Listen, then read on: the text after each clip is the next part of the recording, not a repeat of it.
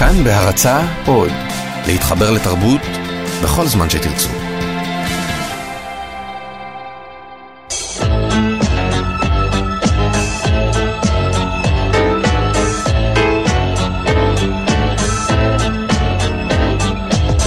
גיבור תרבות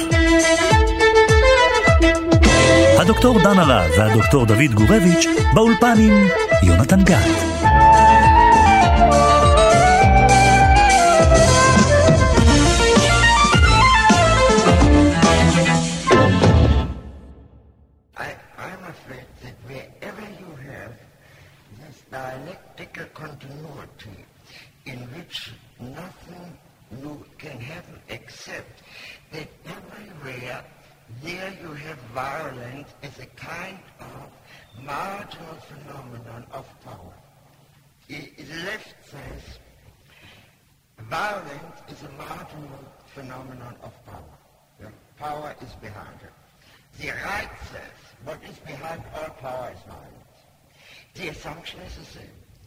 שמענו את אה, קולה של גיבורת התרבות שלנו להפעם, מי שנחשבת לאחת ההוגות הפוליטיות הכי שנויות במחלוקת, במיוחד בהקשר של תפיסת השואה וזוועות הנאצים, חנה ארנדט. יש כאלה שחושבים שהיא המעיטה באחריות של הנאצים בזוועות השואה, וככה פטרה אותם בעובדה שהם בסך הכל מילאו פקודות. יש כאלה שחושבים שהגישה הזאת היא גישה שטחית והיא בעצם מביעה את המורכבות ואת הקושי של תפיסת הרוע האנושי. אה, אנחנו ננסה לתהות על הפער הזה ואנחנו כאן כרגיל דוקטור דוד גורביץ' אהלן. אהלן. דוקטור דן הרב. היי. ואני יונתן גת. אה, מבחינתי דרך אגב אה, מדובר בגיבורת תרבות מאוד בעייתית. מאוד. ועצם ה... העיסוק בה כאן הוא, הוא שנוי במחלוקת, אני חושב שהרבה מאוד אה, יראו בעצם זה שאנחנו מכתירים אותה כגיבורת תרבות, לפחות במובן הסמלי של המילה, כמשהו קצת אה, צורם, לא? תרשה לי לא להסכים איתך. אוקיי. Okay. היא גיבורת תרבות באה לקונצנזוס רחב במיוחד, והעידן הזה, כאילו, להסתכל על הכל, נקודת מבט צרה, ציונית בן גוריוניסטית, שכאילו גם חיללה את זכר המספים. ופטרה את הנאצים מזה, זו נקודת מבט צרה. א', שלא מקיפה את כל יצירתה המדהימה ומקיפה. כן. שניים, גם לא מייצגת את העומק של הטיעונים שלה ואת המקום שלהם בהיסטוריוגרפיה ב-2018. דן. תראה, דווקא הוויכוח על מורשתה בהקשר mm-hmm. של הדיון בייצוג השואה, נקרא לזה ככה, 40 שנה, 50 שנה ויותר אחרי המשפט, הלהט שיש מסביב לשם הזה וההתנגדות שעדיין קיימת רק מבהירה כמה היא כן גיבורת תרבות וכמה הרעיונות שלה הם רד... היו רדיקליים לשעתם והם עדיין נוכחים בשיח זאת אומרת הם עדיין מאתגרים את השיח הם עדיין אה, אה, חשובים ובאיזשהו אופן הם עדיין מטרידים. ו- ולכן היא גיבורת תרבות. היא גיבורת תרבות כי היא מערערת איזושהי מוסכמה, איזושהי מערכת של מוסכמות שעדיין שלטת בוודאי בתוך החברה הישראלית. וההתנגדות, עוצמת ההתנגדות כלפיה, היא דווקא זאת שמבהירה עד כמה חשיבותה גדולה. כן. רוצה להוסיף בזה שאנחנו, נקודת המבט שלנו, אסור לנו שתהיה צרה כל כך, פרובינציאלית כל כך, שכל מה שהיא אמרה, חנה ארנד אמרה בקשר נכון, למשפט נכון. אייפמן. נכון. היא כתבה ספר מדהים על תולדות יסודות הטוטליטריות. היא התייחסה עם תזות מדהימות, שאולי נתייחס אליהן בהמשך, כן. על מקורות האנטישמיות היהודית. Mm-hmm. היא כתבה על המצב האנושי, על היחס בין פוליטיקה לאסתטיקה. היא כתבה על קאנט. היא הייתה בעצם פילוסופית פוליטית שהייתה גם מעורבת בעשייה פרקטית. כפעילה אפילו בסוכנות, אחר כך בג'וינט ומקומות אחרים. בקיצור, תולדות חייה זה מסכת הירואית של בן אדם, פילוסוף שהוא מעורב בתקופתו. ונדמה לי שזה בדיוק התפקיד של גיבור תרבות, להיות מעורב בתקופה. חנה ארנדט נולדה ב-1906 בהנובר, אז אה, הקיסרות הגרמנית, היום גרמניה כמובן. למדה אצל הפילוסוף האקזיסטנציאליסטי מרטין היידיגר ואף ניהלה איתו רומן. רומן שהסתיים עם עליית הנאצים כאשר היידיגר עצמו הצטרף למפלגה הנאצית והיא כיהודייה שנעצרה על ידי הגסטאפו נמלטה לצרפת ומשם עברה לארצות הברית בסופו של דבר. בשנת 1951 פרסמה את ספרה יסודות הטוטליטריות, ועשור לאחר מכן נשלחה על ידי הניו יורקר לסקר את משפטו של אדולף אייכמן בישראל. הסיקור שלה שהתפרס על פני מספר כתבות, שבהן היא טענה בין היתר שאילולי שיתוף הפעולה של ההנהגה היהודית עם הנאצים, היו נרצחים פחות יהודים, הדברים האלה גרמו לכעס עצום, ורבים מחבריה ניתקו איתה מגע. בסופו של דבר היא איגדה את כל החומר לספר אייכמן בירושלים, דוח על הבנאליות של הרוע, ביטוי שהפך להיות מזוהה איתה מאוד. היא נפטרה בשנת 1975 בניו יורק, ועוד דבר אחד, את הכתבים שלה סרבו לפרסם פה בישראל עד שנת 2000.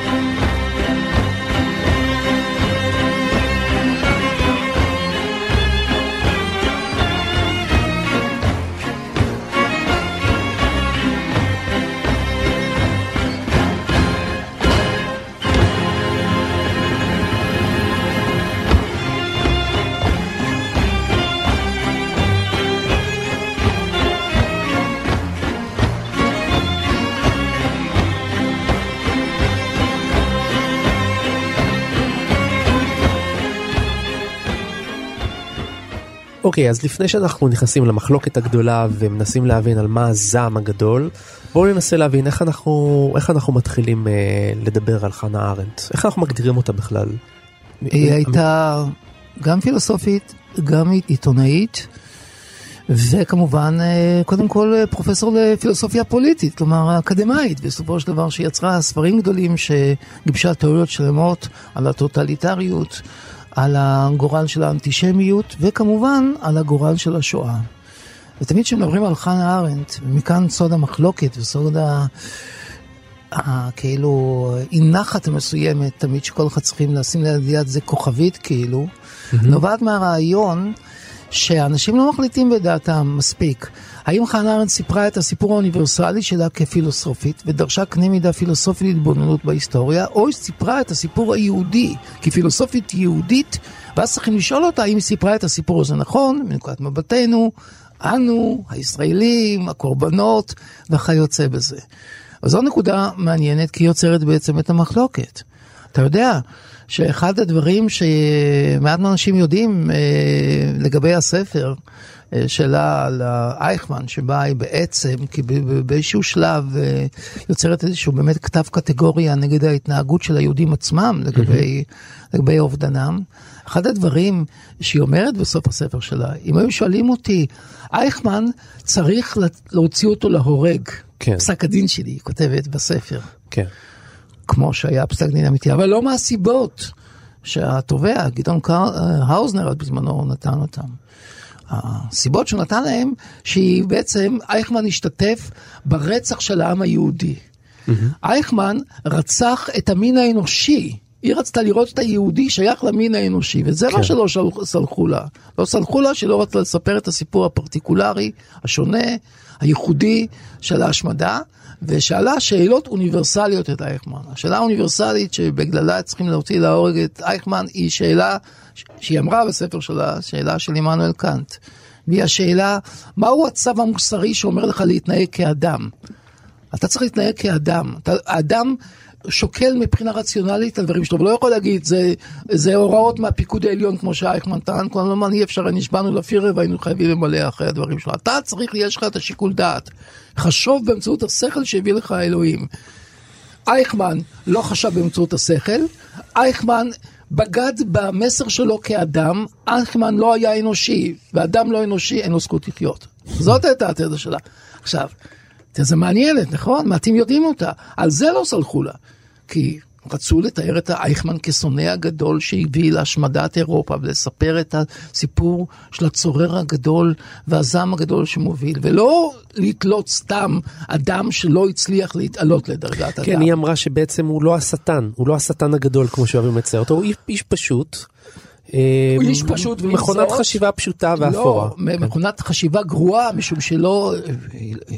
מכונת חשיבה אכן, פשוטה אכן, אבל גרועה מאוד, משום שהיא לא התעלתה לרמה של מכונת חשיבה אנושית, שקנה המידה האוניברסלי, הכללי, צריך לעמוד לפניה, כי זה, זה היה בעצם האימפרטיב המפורסם הקטגורי של קאנט, שאומר, אתה יכול לעשות רק משהו שהיית מוכן שבתנאים כלליים יעשו גם לך. כלומר, הוא היה צריך לשקול, להפעיל את השכל שלו כאדם, זה מה שלא עשה, ולכן היה מכונת חשיבה קלוקלת, נכון. הרסנית, אנטי אנושית, ולכן צריכים להרוג אותו, זה מה שהיא אמרה. עכשיו, דווקא בגלל זה לא סלחו לה. דוד, אתה אוקיי. אמרת שנדבר על האוניברסלי, וגם אתה גלשת בסופו של דבר אל הכאן, אל הפרטיקולרי, לא, אל אל הסברתי, הסברתי נכון. שלא סלחו לה את העניין נכון, האוניברסלי. נכון, אבל הכל בעצם יונק, אותו סיפור שפרסת בפנינו כרגע, בעצם יונק מההגות, ה- נגיד, הבסיסית שלה, אותו ספר מכונן שהיא מפרסמת ב-52, יסודות הטוטליטריות.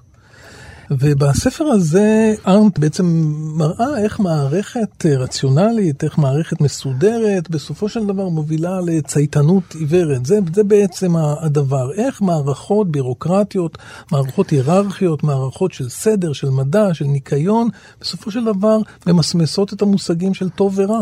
בדיוק בעצם, ככה. בעצם אנחנו מאבדים את היכולת אה, הביקורתית, את, הביק- את, את, את היכולת לעשות הבחנות בכלל.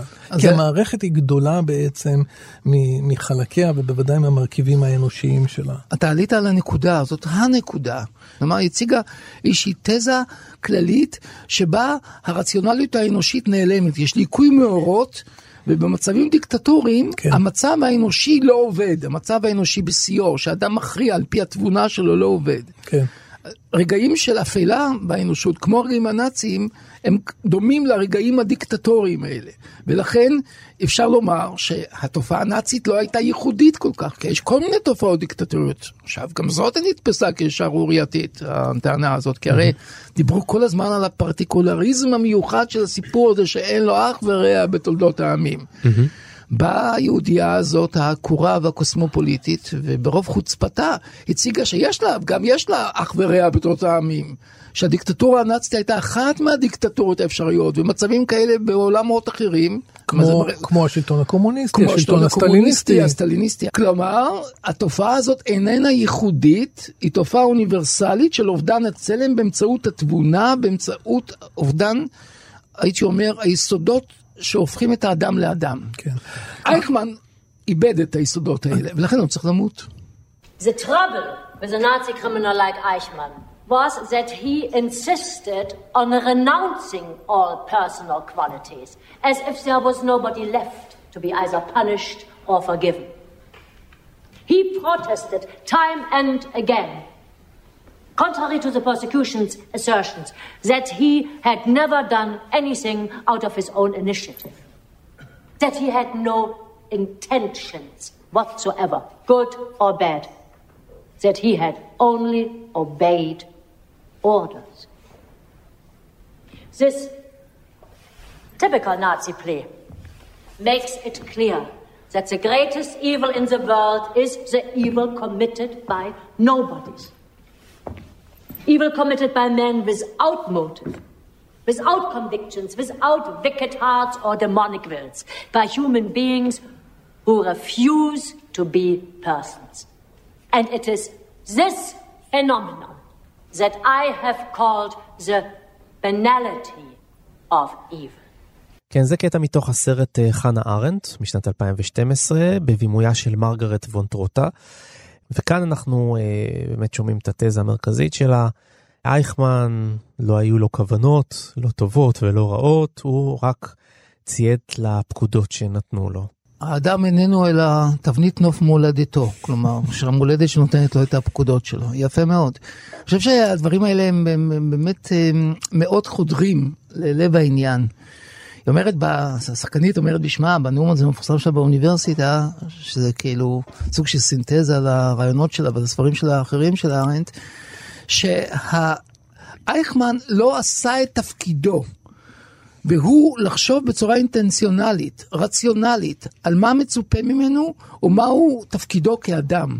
תפקידו כאדם הוא לחשוב, לשקול, להיות מוסרי. וברגע שהוא לא עשה כך, אז הוא בעצם הסתלק ממעמדו כאדם. וברגע שהוא הסתלק ממעמדו של כאדם, הוא לא נהיה סופר דמוני, כמו שחושבים היהודים, נאצי, מפלצתי, אלא הוא נהיה תת-אנושי, הוא נהיה בנאלי.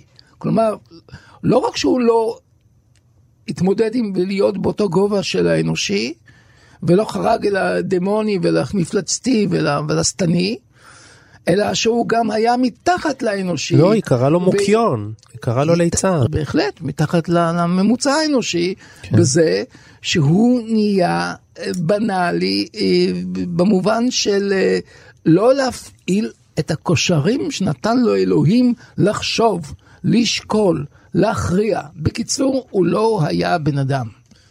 הנקודה הייתה, נקודת מבטם של היהודים הישראלים, שהרוע בתפיסה הציונית הוצג כמובן עם תמרות עשן אינסופיות. הרוע הוא דמוני. ו- ו- ולא ו- ייתכן שהרוע יהיה בנאלי, זה לא ייתכן. ואז בטעות נוסתה העניין הזה שהיא יוצרת בנאליזציה כביכול, או של הפחתה, השואה, כן, של או השואה. סלחנות כלפי הרוצחים. ממש לא.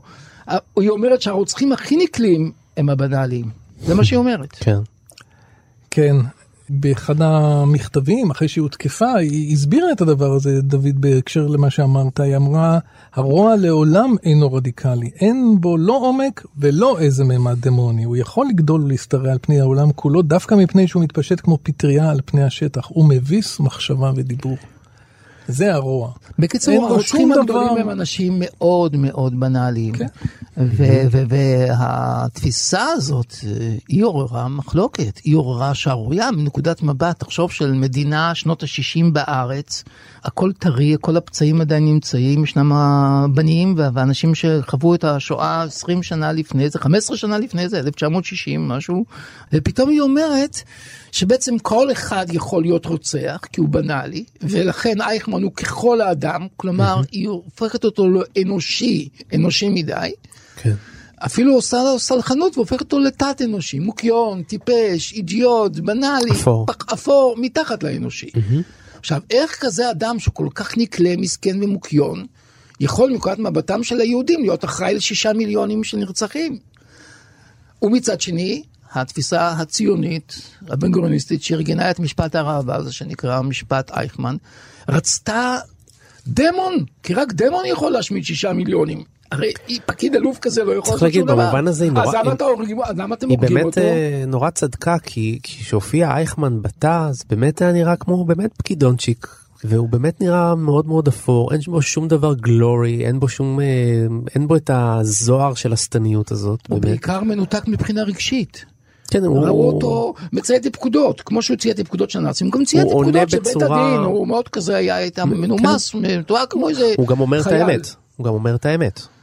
הוא אומר את האמת, אומר בדרכו, ולא מצליח בכלל להגיע לאיזושהי רפלקציה, כלומר התבוננות כן. מודעת בעצם לעצמו, לא מצליחה להבין שתפקידו הוא, זו מילה אה, שנראית מובנת מאליה, אבל בשבילו היא לא מובנת מאליה, שתפקידו הוא לחשוב.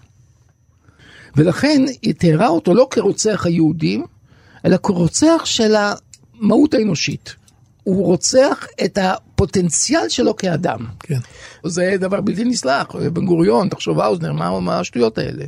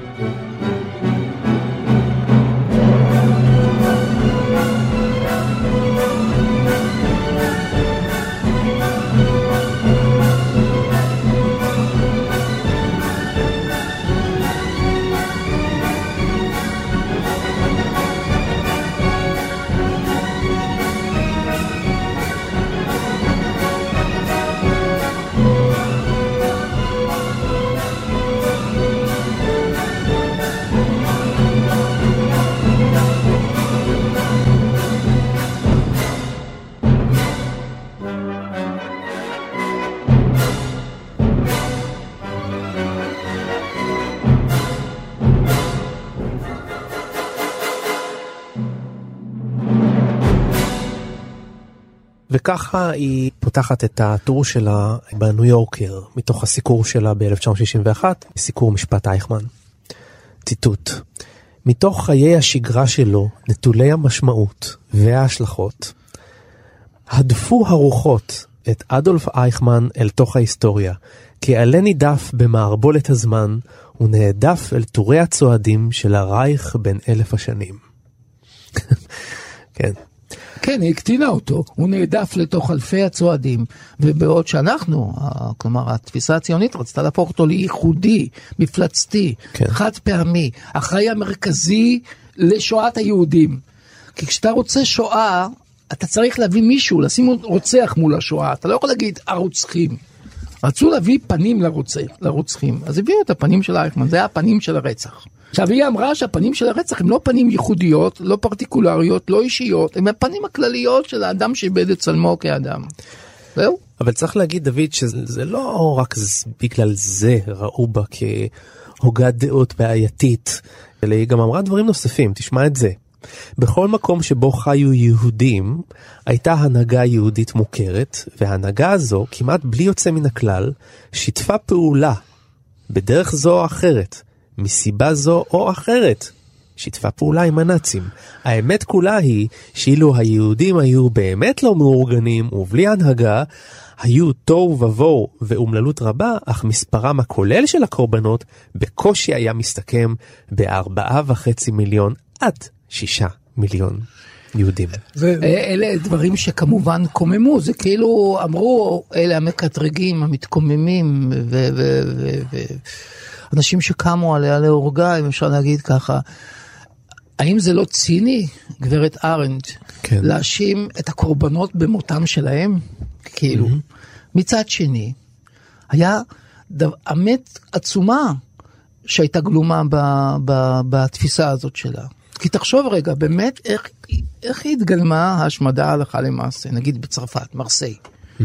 איך? איך פתאום האיצטדיונים יתמלאו באנשים הנכונים, בזמן הנכון, עם איזשהו חתך מסוים של אוכלוסייה, כדי שהאוטובוסים יחכו להם, או רכבות יחכו להם, וייסעו אחר כך לטרבינקה ולא יחזרו. כן, אבל, אבל הכוונה היא, אבל דוד, אז אם כך, זה לא מדובר, זה לא מדובר רק, אני אסביר גם למה. זה מובן, כי אתה אומר שההנהגה היהודית אה, שיתפה פעולה. ואתה יודע למה? כי ההנהגה היהודית היה להם את כל הפנקסים של הקהילה, את כל הרישומים, את כל נכון, הכתובות, ויוצא מזה יותר מזה, שההנהגה היהודית הייתה גם צריכה להחליט לפעמים איזה אוכלוסייה היא נותנת לרכבות, איזה אוכלוסייה היא נותנת לאצטדיון, איזה נותנת למזרח אה, אבל רגע, דוד, הכוונה היא, הכוונה היא שחנה ארנט היא לא רק מדברת על האיש האפור וכדומה, היא יוצאת בהתקפה רבתי על התפיסה. של אה, איך שהשואה נתפסת, מי אשם, מי הקורבן, מי נכון, המקרבן. נכון, נכון, בהחלט. והיא בהחלט. מנסה לקעקע במידה מסוימת, ואולי בעצם זה שיהודייה היא גם מרגישה נוח לעשות את זה. לקעקע לחלוטין את הסיפור, כמו שהעם היהודי אה, יודע אותו. נכון, יונתן, היא, היא, אני, א', אני לא חושב שהיא מרגישה נוח, הביטוי הזה נראה לי לא נכון. אני חושב שהיא פעלה מתוך שליחות, מתוך תחושה אמיתית שהיא מנסה לפענח, להבין.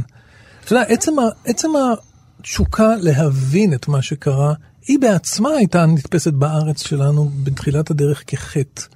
אנחנו לא צריכים לנסות להבין, אי אפשר להבין. כל ניסיון להבין הוא כבר הזניה ובנליזציה של השואה. כן. היא ניסתה להבין, והיא סיפקה הסבר. ההסבר שלה מגיע מהעולם הזה של מערכות, של רציונליות, של סדר, של היגיון, והיא אמרה, כשם שהיא ניתחה את המכונה הנאצית, היא גם ניתחה את הארגונים היהודיים ואת הקודים שעל פיהם הארגונים האלה פעלו. האם ניתן בפירוש לומר שהיא טעתה? האם אתה יכול לבוא היום ולומר שהתזה שלה היא שגויה? ברור שהיא פוגעת, ברור שהיא סנוקרת בפנים של מי ששומע את זה. מה, mm-hmm. יהודים תרמו להשמדה בעצם פעולתם? הרי כן. זאת, זאת טענה שגם היום, כל כך הרבה שנים אחרי השואה, מקוממת אותנו. אבל האם העובדה שהטענה הזאת מקוממת אותנו בהכרח מצביעה על חוסר נכונותה או חוסר הקשר שלה עם המציאות? אני לא בטוח. במקום זה, בו אני עומד לפניכם, שופטי ישראל, ללמד קטגוריה על אדולף איישמן, אין אני עומד יחידי. עמדי ניצבים כאן בשעה זו שישה מיליון קטגורים, אך הם לא יוכלו לקום על רגליהם, לשלוח אצבע מרשיעה כלפי תא הזכוכית ולזעוק כלפי היושב שם אני מאשים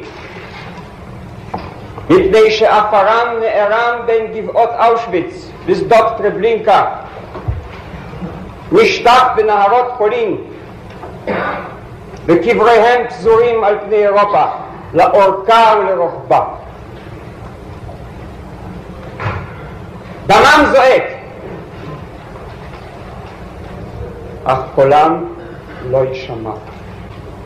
יהיה על כן אני להם לפה ואגיד בשמם את כתב האישום הנורא. כן, זה כמובן היה אה, גדעון האוזנר, אה, הקטגור שנשא את אה, הנאום המפורסם נגד אייכמן, וראה את עצמו כהפה של שישה מיליוני נספים.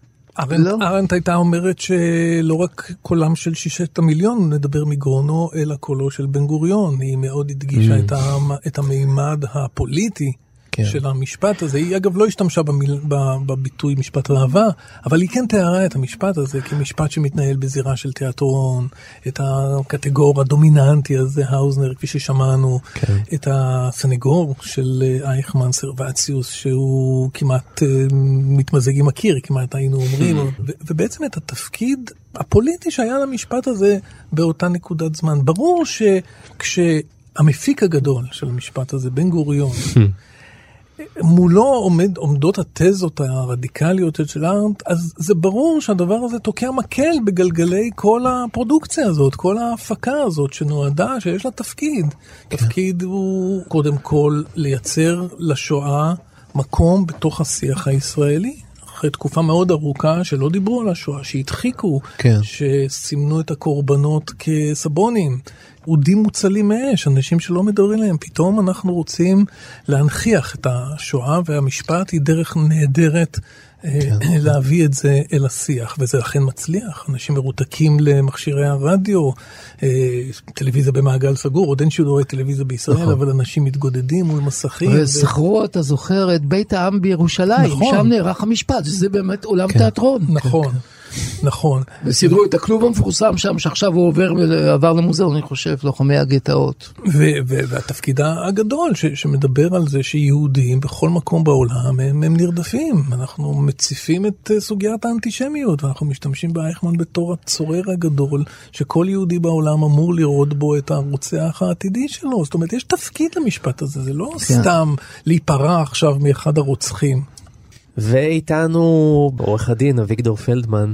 אהלן אביגדור. שלום, שלום.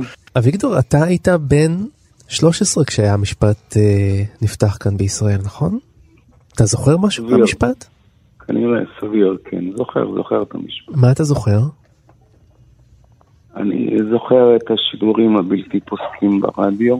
Mm-hmm. אני זוכר את המתרגמת, שאני גם מכיר אותה, היא הייתה נפטרה בינתיים, הייתה אימא של חבר שלי, אז. ואני זוכר את, ה, את אבא שלי שלא רצה לשמוע כלום. Mm. כי הוא היה בשואה והוא לא רצה לשמוע, היה רדיו פתוח, הוא היה מיד סוגר אותו. הוא ראה את המשפט כאיזשהו סוג של ניצול או הוזלה של השואה. אה, זאת הייתה תחושה הכללית או לא? זאת הייתה מחשבה לא. חריגה. עם ישראל התרפק על המשפט. כן. למה הוא התרפק, אתה חושב? למה הוא התרפק? כן, זה אולי התרפק היא מילה חזקה. הנה, ניצחנו, הגענו לארץ ישראל. עכשיו אנחנו שופטים את המניאקים שהרגו אותנו, עינו אותנו, שמו אותנו בגטאות, העירו אותנו, הכניסו אותנו למסעות מוות. אנשים כאילו התחברו למוטיב הנקמה? כאילו, שם אנחנו... אני חושב שכל המשפט היה סביב מוטיב הנקמה. אביגדור, זה היה משפט? אני שואל אותך עכשיו כעורך דין, לא מתוך זיכרונות הילדות שלך. זה, זה היה משפט? משפט הוגן? או, או כמו שנטען לא פעם, גם ארט קצת כתבה על זה, שזה יתנהל קצת כמו אספה, אספת עם יותר, שבה העדים אה, דיברו באריכות, אף אחד לא הפסיק אותם, נשמעו, נכון, שם, היה... נשמעו שם סיפורים בכלל שלא קשורים לאייכמן. 95% מהמשפט לא היה לו שום קשר לאייכמן. אייכמן היה, כמו שקראו לו, ספציאליסט כן. להסעת אנשים ברכבות. הוא פעם אחת אולי היה במחנה ריכוז, ככה הוא מספר, וכיתת יורים אה, ירתה באיזה חמישה יהודים אה, מבוהלים ורועדים. הוא לא, לא החזיק מעמד, הוא הלך לצד והקיא. זה היה הקשר היחיד שלו עם השואה. הוא ישב במשרדו בברלין, בכניסה, ב, על הדלת היה כתוב מומחה להסעות. כן. זה היה תפקידו, אבל מאחר ורצו להציג את כל השואה, את מחנות הריכוז וכל השאר, אז גדעון האוזנר זימן הרבה אנשים, כולל למשל את קצטניק, אה, שנפילתו והתעלפותו הפכו להיות לשם דבר. זה היה מיותר, וזה היה ראוותני, וזה היה ססגוני, וזה היה קרקסי, לדעתי. כן, היו קריאות, היו צעקות, העדים צעקו על עדים אחרים, כלב, נכון. בוגד וכו', כאלה שעשו איזשהו שיתוף פעולה אפילו פסיבי עם, הנאצים. ואייכמן ישב אה, בתא הזכוכית, כאשר אה, חיוכו העקום, או הבעת פניו העקומה, היה לו איזה לחי שמוטה, אה, לא משתנה לרגע. כן. דאג לניקוי האבק בכלוב הזכוכית שלו. משהו כזה. כן, רציתי לשאול אותך, אביגדור, אם אתה מסתכל על הסנגוריה ועל הקטגוריה, כאילו, בוא נסתכל על זה ככה כמשפט. למשל, אחד הדברים המעניינים עוד יותר ממה היה, כאילו, האסטרטגיה של גאוזנר הייתה ברורה, להציג אותו כרוצח של המיליונים, להציג אותו בעצם לחי המרכזי לשואת יהודי אירופה, לתת פנים לרוצח, שאנשים יוכלו להתמוגג מהפנים שהם קיבלו אותם, כאילו. אבל מה הייתה האסטרטגיה של סרבציוס, העורך דין מטעם ההגנה? סרבציוס חזר וטען, זה לא רלוונטי, זה לא חשוב, אנחנו לא מכחישים שהייתה שואה, אנחנו לא מכחישים שהיו מחנות ריכוז, אבל העגלה נסעה הלאה. שופט אה, לנדאו לא נתן אה, לעגלה לעצור, ושומרים שוב, אני גם זוכר, שהוא וסרבציוס היו משוחחים בשפה הגרמנית. בעצם הוא לא מילא את תפקידו כסנגור. אז אתה אומר שהוא היה סנגור די רע. לא היה, לא היה על מה לסנגר, לא היה. אני, אני אילו חס וחלילה, אני הייתי נבחר למשימה הזאת, ואנחנו זוכרים את הסיבוב החוזר של משפט אייכמן, שכמו כן. שאמר מי שאמר פעם ראשונה טרגדיה, פעם שנייה קומדיה. נכון. זה היה הסיפור של איוון דה מניוק, שזה היה קומדיה כן. של אייכמן. אם אני הייתי סנגור, הייתי מתפטר מהר מאוד. לא היית מוכן לייצג אותו. את אייכמן? כן. לא. אביגדור, את דעתך על המימד המשפטי המקצועי של משפט אייכמן הבנו, אבל אני רוצה לשאול אותך מה דעתך על האפקט של המשפט הזה, על התוצאה הציבורית שלו, זה היה מוצלח? זה היה דבר שהוכיח את עצמו? כל ההפקה הזאת הייתה כדאית מהבחינה של... קשה לי לשפוט, אני לא חושב. אם, אני יודע לא רק מאבא שלי, כל אה, יוצאי השואה, אם אפשר לקרוא להם, בוגרי השואה, אה, לא אהבו את המשפט, לא אהבו את, ה, את הדרמטיות היתר, את הצעקות, את ההתעלפויות, mm. את העדים שהופיעו, אבל uh, יותר טוב מה, מהמשפט של אייכמן זה לצפות בסרט השואה של לנצמן. כן. איך אתה מביט על התפיסה הזאת של אה, חנה ארנדט? אתה מסכים איתה שאייכמן הוא אדם בלתי חושב? אני בהחלט אה, מעריך, מכיר ואוהב את מה שכתבה חנה ארנדט. היא כתבה שהשואה לא נעשתה על ידי מפלצות אדם, היא נעשתה על ידי אנשים שכל אחד מהם חשב שהוא ממלא את חובתו. אייכמן חשב שהוא ממלא את חובתו כיוצר לוח זמנים מדוקדק לרכבות שייסעו מלודג' לאושוויץ ומכל מקום אחר, בלי שרכבת תיתקע ברכבת, הכל בדיוק של שנייה. זאת אומרת, זה, זה מה שהייתי צריך לעשות. כנ"ל גם האחרים, אולי חוץ מממש המקורבים של היטלר, שראו את התמונה המלאה. גם בוועידת ואנזה, היה שם גם אייכמן ישב. אבל דנו בצד, בצדדים הטכניים של השואה. מה לעשות עם כל כך הרבה גופות, אמר מישהו, אנחנו יורים בהם, אבל מה, מה, מה, כמה, בכמה אפשר לראות? ואז הגיע פתרון הגז, שהחברה שעדיין מייצרת את הגז הזה, היא עדיין קיימת בגרמניה ופועלת, והחברה שממנה רכשנו את הצוללות, קרופ, טיסן קרופ, נשפטה ב... עכשיו היא הוסיפה לעצמה עוד איזה שם, נשפטה במשפטי נירנברג, ראש החברה נקבע שהוא פושע נאצי, אבל הוא הצליח להתחמק מהעונש שהוא הביא תעודות רפואיות שהוא לא בריא בנפשו. כן. עורך דין אביגדור פלדמן, תודה רבה שהיית איתנו. תודה רבה. תודה רבה, אביגדור, תודה רבה.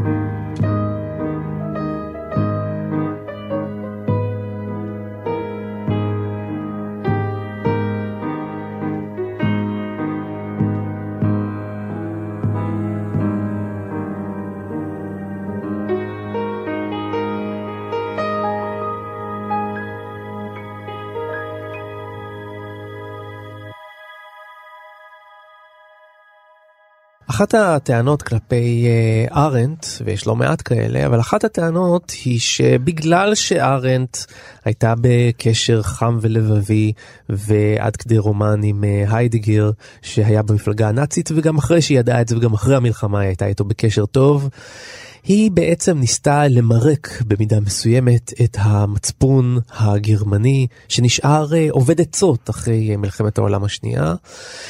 ושהאוהדים הרבים שהיו לה היו בעיקר אה, הגרמנים, שהיא הייתה סוג של פתח ותקווה להקטנם במידה מסוימת של תחושות האשם הגדולות.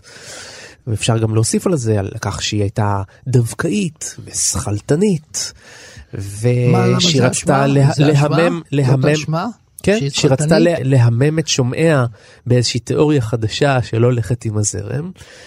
ואלו הם כמה מהטענות נגדה, גם שהיא ניסתה למרק את המצפון בגלל הקרבה שלה ובגלל. היה לה גם בן זוג גרמני לא יהודי, אז גם הטענה הזאת שהיא רוצה למרק את המצפון וגם מצד שני להיות יוצאת דופן ככה בכוח, להיות uh, דווקאית. מה אתם אומרים על זה? טוב, אני חושב שבכלל כל התוכנית הזאת נראית לי כמו להעמיד את חנה ארד למשפט. זה נראה לי די מגוחך, משום שמי שעומד למשפט זה אנשים בעלי מחשבה ממוסדת, מחשבה מסוידת, ולא חנה ארד שנמנית על הסוג של המחשבה הפוריה ביותר, הכי מקורית והכי הכי יצירתית. עכשיו, לגבי היידגר, אני חושב שזאת סוגיה מאוד מאוד רצינית, באמת פה היידיגר בהיסטוריה. מצד אחד, באמת, הוא עשה דברים שלא יאומנו. כלומר, הוא היה רקטור אוניברסיטה בחסות הנאצים, ואחרי שפרש מהרקטור גם נמשך, המשיך את החברות שלו במפלגה הנאצית עד 45, זאת אומרת, 13 שנה הוא היה שם. מצד שני, העניינים האישיים. ויש דבר נוסף, הוא כמובן היידגר גם לא חזר בו, לא דיבר בכלל על השואה, לא התייחס, השווה פעם את השואה לבעיות של דישון בטכניקה וטכנולוגיה של מזון מהיר, כלומר השווה את השואה, ואני מחריף את הדילמה. כן. ואחרי כל זה, בן אדם שהיה מנוע מללמד בגרמניה כמה שנים עד שזכה על איזשהו... ריהביליטציה. בזכותה גם בין היתר. גם בין השאר בזכותה. היא נקטעה אותו קצת. כן, אז השאלה היא במקום והשאלה והתשובה הם לא התשובה שלי היא לא חד משמעית לעניין הזה אבל התשובה שלי היא לא חד משמעית באופן כללי לגבי הסוגיה של היידגר. זאת אומרת, האם אנחנו לא לומדים את היידגר כאחד משני הפילוסופים הכי גדולים של המאה ה-20 היום? בלי חנה ארנדט ועם חנה ארנדט. Mm-hmm. התשובה היא, האם חנה ארנדט יצרה את היידגר? לא. התשובה היא לא. היידגר היה גדול הפילוסופים גם לפני מלחמת העולם השנייה, לפני השואה. כן. וכמובן שהיה אחר כך גם. כי הוא כתב את הספר שלו על הזמן, והיה וזמן, בשנות ה-20, סוף שנות ה-20. אה, רחוק מאוד מה, מהתקופה הזאת של 45 והלאה. השאלה האם להחרים את היידגר, האם uh, היא יצרה לו לגיטימציה, זה נראה לי מצחיק שהיא יצרה לו לגיטימציה. מצד שני, יכול להיות שהיא באמת פילסה לו את הדרך הלגיטימית ללמד בכמה אוניברסיטאות. והשאלה אם יש לו זכות ללמד בכל האוניברסיטאות, גם היא כמובן סוגיה מאוד מאוד חריפה. שאין לי תשובה חד משמעית לתת עליה. האם מגיע לבן אדם שהוא בסופו של דבר חשב מה שחשב, וגם שהפילוסופיה שלו בסופו של דבר, במובן העמוק והמטאפיזי שלה, לא רחוקה מהפוליטיקה הנאצית. קשורה לאדמה, קשורה למיסטיקה, קשורה לדברים האלה. אין לי תשובה חד משמעית לזה, אבל אני אומר שהיידגר לא צריך את הפרסום שלו, כלומר הפילוסוף החשוב ביותר של המאה ה-20, לכאן ה... כן. זה מה שאני אומר. כן, בכלל אני חושב שאם אנחנו נחרים כל אומן, כל יוצר, כל הוגה דעות שמזוהה מבחינתנו עם הרוע. אז לא אנחנו... נשאר, בלי, נשאר בלי אף אחד, אתה אומר. לא יודע אם בלי אף אחד, אבל אנחנו, אנחנו נהיה הרבה יותר עניים. תחשוב, תחשוב, אנחנו נהיה הרבה יותר. וגנר, גדול האנטישמים, אנחנו נהיה הרבה יותר עניים. דוסטויבסקי, להחרים. טולסטוי, להחרים. מי לא? כן, בעיה כאובה, לא פשוט, יונתן. הפרסונה וההגות, הם לא, הם לא מסתדרים כן. תמיד ביחד.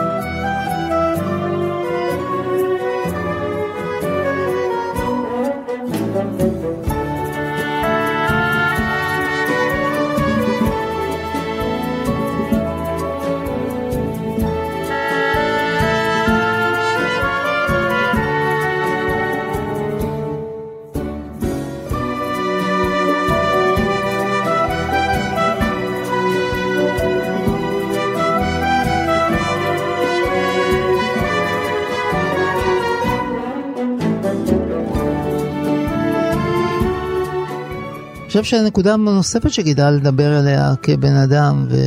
וגם שם אנחנו מעמידים אותו למשפט, אם אתה רוצה להעמיד אותו, אתה יכול להשמיע את זה למשפט עוד כמה נקודות. אחת, כן. התזה שלו על הגורל היהודי, זה התזה על השואה, שכמובן אנחנו כמובן מעורבים בה יותר, אבל התזה שלה על האנטישמיות, שהובעה בספר שלה על... יסודות הטוטליטריות. יסודות הטוטליטריות, תזה חדשנית, mm-hmm. שכלתנית שוב. אגב, אי אפשר להאשים אותה בגלל שהייתה סכלתנות יתר, זה מן השמה הזאת. באדם שצריך להריץ בן אדם שמביע סכלתנות ולא להעליב אותו. אה, אנחנו נמצאים באדם... לא יודע אם אני מסכים לזה. אני חושב שבן אדם שמפעיל את התבונה שלו לא מגיע לרצח. לא מגיע לרצח לעולם. זה בדיוק מה שהיא טענה, אם הוא היה מפעיל את התבונה שלו, הוא לא היה רוצח מאחורי המכתבה.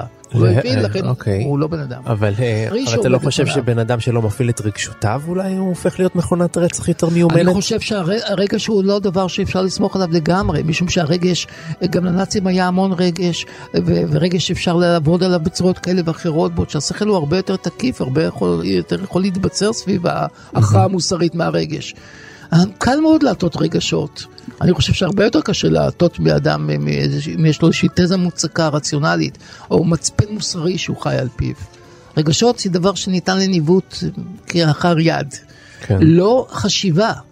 אבל כשאין לך חשיבה, אז אה, מה יהיו לך רגשות? אתה יודע מה הייתה הטענה של, אה, של אה, הימלר לאנשים של האס-אס בנאום המפורסם של פוזנן? אתם כבני אדם צריכים לרחם על היהודים, גם הם אנשים, אבל תתעלו מעל האנושי שלכם. Mm-hmm. זאת הנקודה השחורה, תתעלו מעל האנושי, או תרדו מתחת לאנושי, אבל אל תהיו בני אדם, כי בני אדם הם אנשים חושבים. אתם לא חשבתם, לכן אתם רוצחים. אז זאת איזה שצריך להלל אותה על חשיבה, אבל לא להגיד, אוקיי, שכלתנית יתר. זה סתם סיסמה. טוב, אנחנו מתקרבים לסיום, וכרגיל אנחנו ממליצים לכם על עוד דברים מאת uh, גיבורת התרבות שלנו. במקרה הזה אני אמליץ לכם לצפות בסרט הספציאליסט. סרט של uh, אייל סיוון, הדוקומנטריסט, שבו הוא הצליח לאתר את חומרי הארכיון, uh, כמעט את uh, כל מה שצולם ממשפט אייכמן, עשרות שעות, uh, שמהן הוא ערך סרט אחד. ומדוע זה קשור לחנה ארנדט? מכיוון שהסרט מעוצב מבחינה עריכתית והתסריט שלו, כמה שאפשר לתסרט סרט שעשוי מחומרים ארכיונים, אבל זה אפשרי, אה, על פי התזה של חנה ארנדט. אפשר לראות שם את התפיסה הזאת שאומרת שהעדויות, העדויות הן לא העדויות שעליהן אפשר להסתמך, העדויות המבולבלות שמובאות מבחינה רגשית ולכן אין להן כל כך טעם. זה כמובן אה, דבר שאפשר להתווכח עליו. וההצגה של אדולף אייכמן כבאמת פקידון קטן שמה שמעניין אותו זה לנקות את כלוב הזכוכית שלו עם מטפחת, שמה שמעניין אותו זה למרק את המשקפיים שלו אה, ולנקות את האבק, והוא בעצם עונה בצורת הצנון הרגילה שלו על תשובות כבירוקרט, בירוקרט שהוא בסך הכל בורג במערכת. הרבה ביקורת הייתה על הסרט הזה, טענו על אייל סיוון שהוא מכחיש שואה עד כדי כך, היה פולמוס מאוד גדול על זה גם בעולם. בסופו של דבר הסרט הוא סרט מרשים אה, והוא לשיפוטכם, אתם תחליטו. דוד? אני אמליץ על הסרט אה, חנה ארנדט, סרט פיצ'ר. משנת 2012? 2012, כן. אה, מה שאהבתי במלודרמה הזאת, אה, שזה סיפור אהבה, וזה סיפור של ניסוי נדודים של יהודייה ופילוסופית, חנה ארנדט מירושלים לניו יורק, וכמובן משפט אייכמן. זה יכול להיות שהסרט ימסור בצורה יפה מאוד לדעתי את הפילוסופיה המרכזית שלה, במיוחד אני זוכר את הנאום שלה באוניברסיטה בניו סקול שם בניו יורק. מה ששמענו בתוכנית, כן, כן קטע ממנו. כשהיא נתנה בעצם את ה... אה, התסריט נתנה לה בעצם שם בפיה את, אה, את עיקרי הדברים שלה ועיקרי הפילוסופיה שלה. שכל כך הרשימו אותה. אני חושב שכדאי לראות את הסרט הזה כ... כבסיס להמשך הסתכלות על אחת מהנשים הגדולות של המאה ה-20. טוב, אה, אני, אני אמליץ לחזור למקור. והמקור של הכל הוא בסופו של דבר יסודות הטוטליטריות, הספר של, אה, של חנן. זו משימה לא, לא פשוטה. Mm-hmm. זה ספר רב קרס, ספר של 700 עמודים בערך.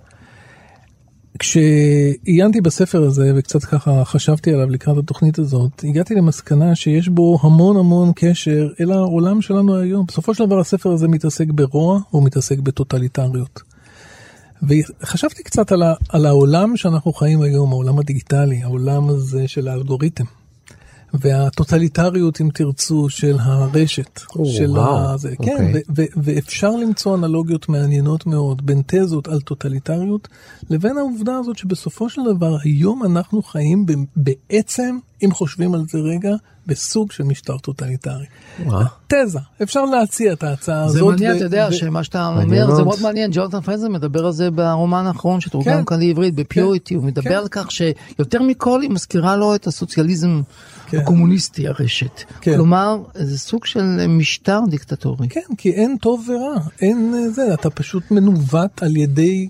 כוחות שאתה בעצם לא מכיר ולא יודע, והאינטרסים הם סמויים מן העין, וכמעט כל צעד שלנו הוא נתון לפיקוח כן. ונתון להחלטה שבאה מלמעלה, ובאיזשהו אופן, אם תסתכל על מה ש... אם, אם, שוב, לקרוא את כל הספר הזה, זה, אבל לחשוב על התזות אודות הטוטליטריות דרך... או לחשוב על התקופה שלנו היום דרך המשקפיים של התפיסות הטוטליטריות של ארנדט, זה יכול להיות פותח ראש. זה מעניין כי היא בעצמה אומרת שאחד הדברים המרכזיים ביסודות הטוטליטריות זה הרג האינדיבידואליות. כן, בדיוק. אנחנו באמת רואים את זה ברשת, בדיוק. זה מעניין. כן.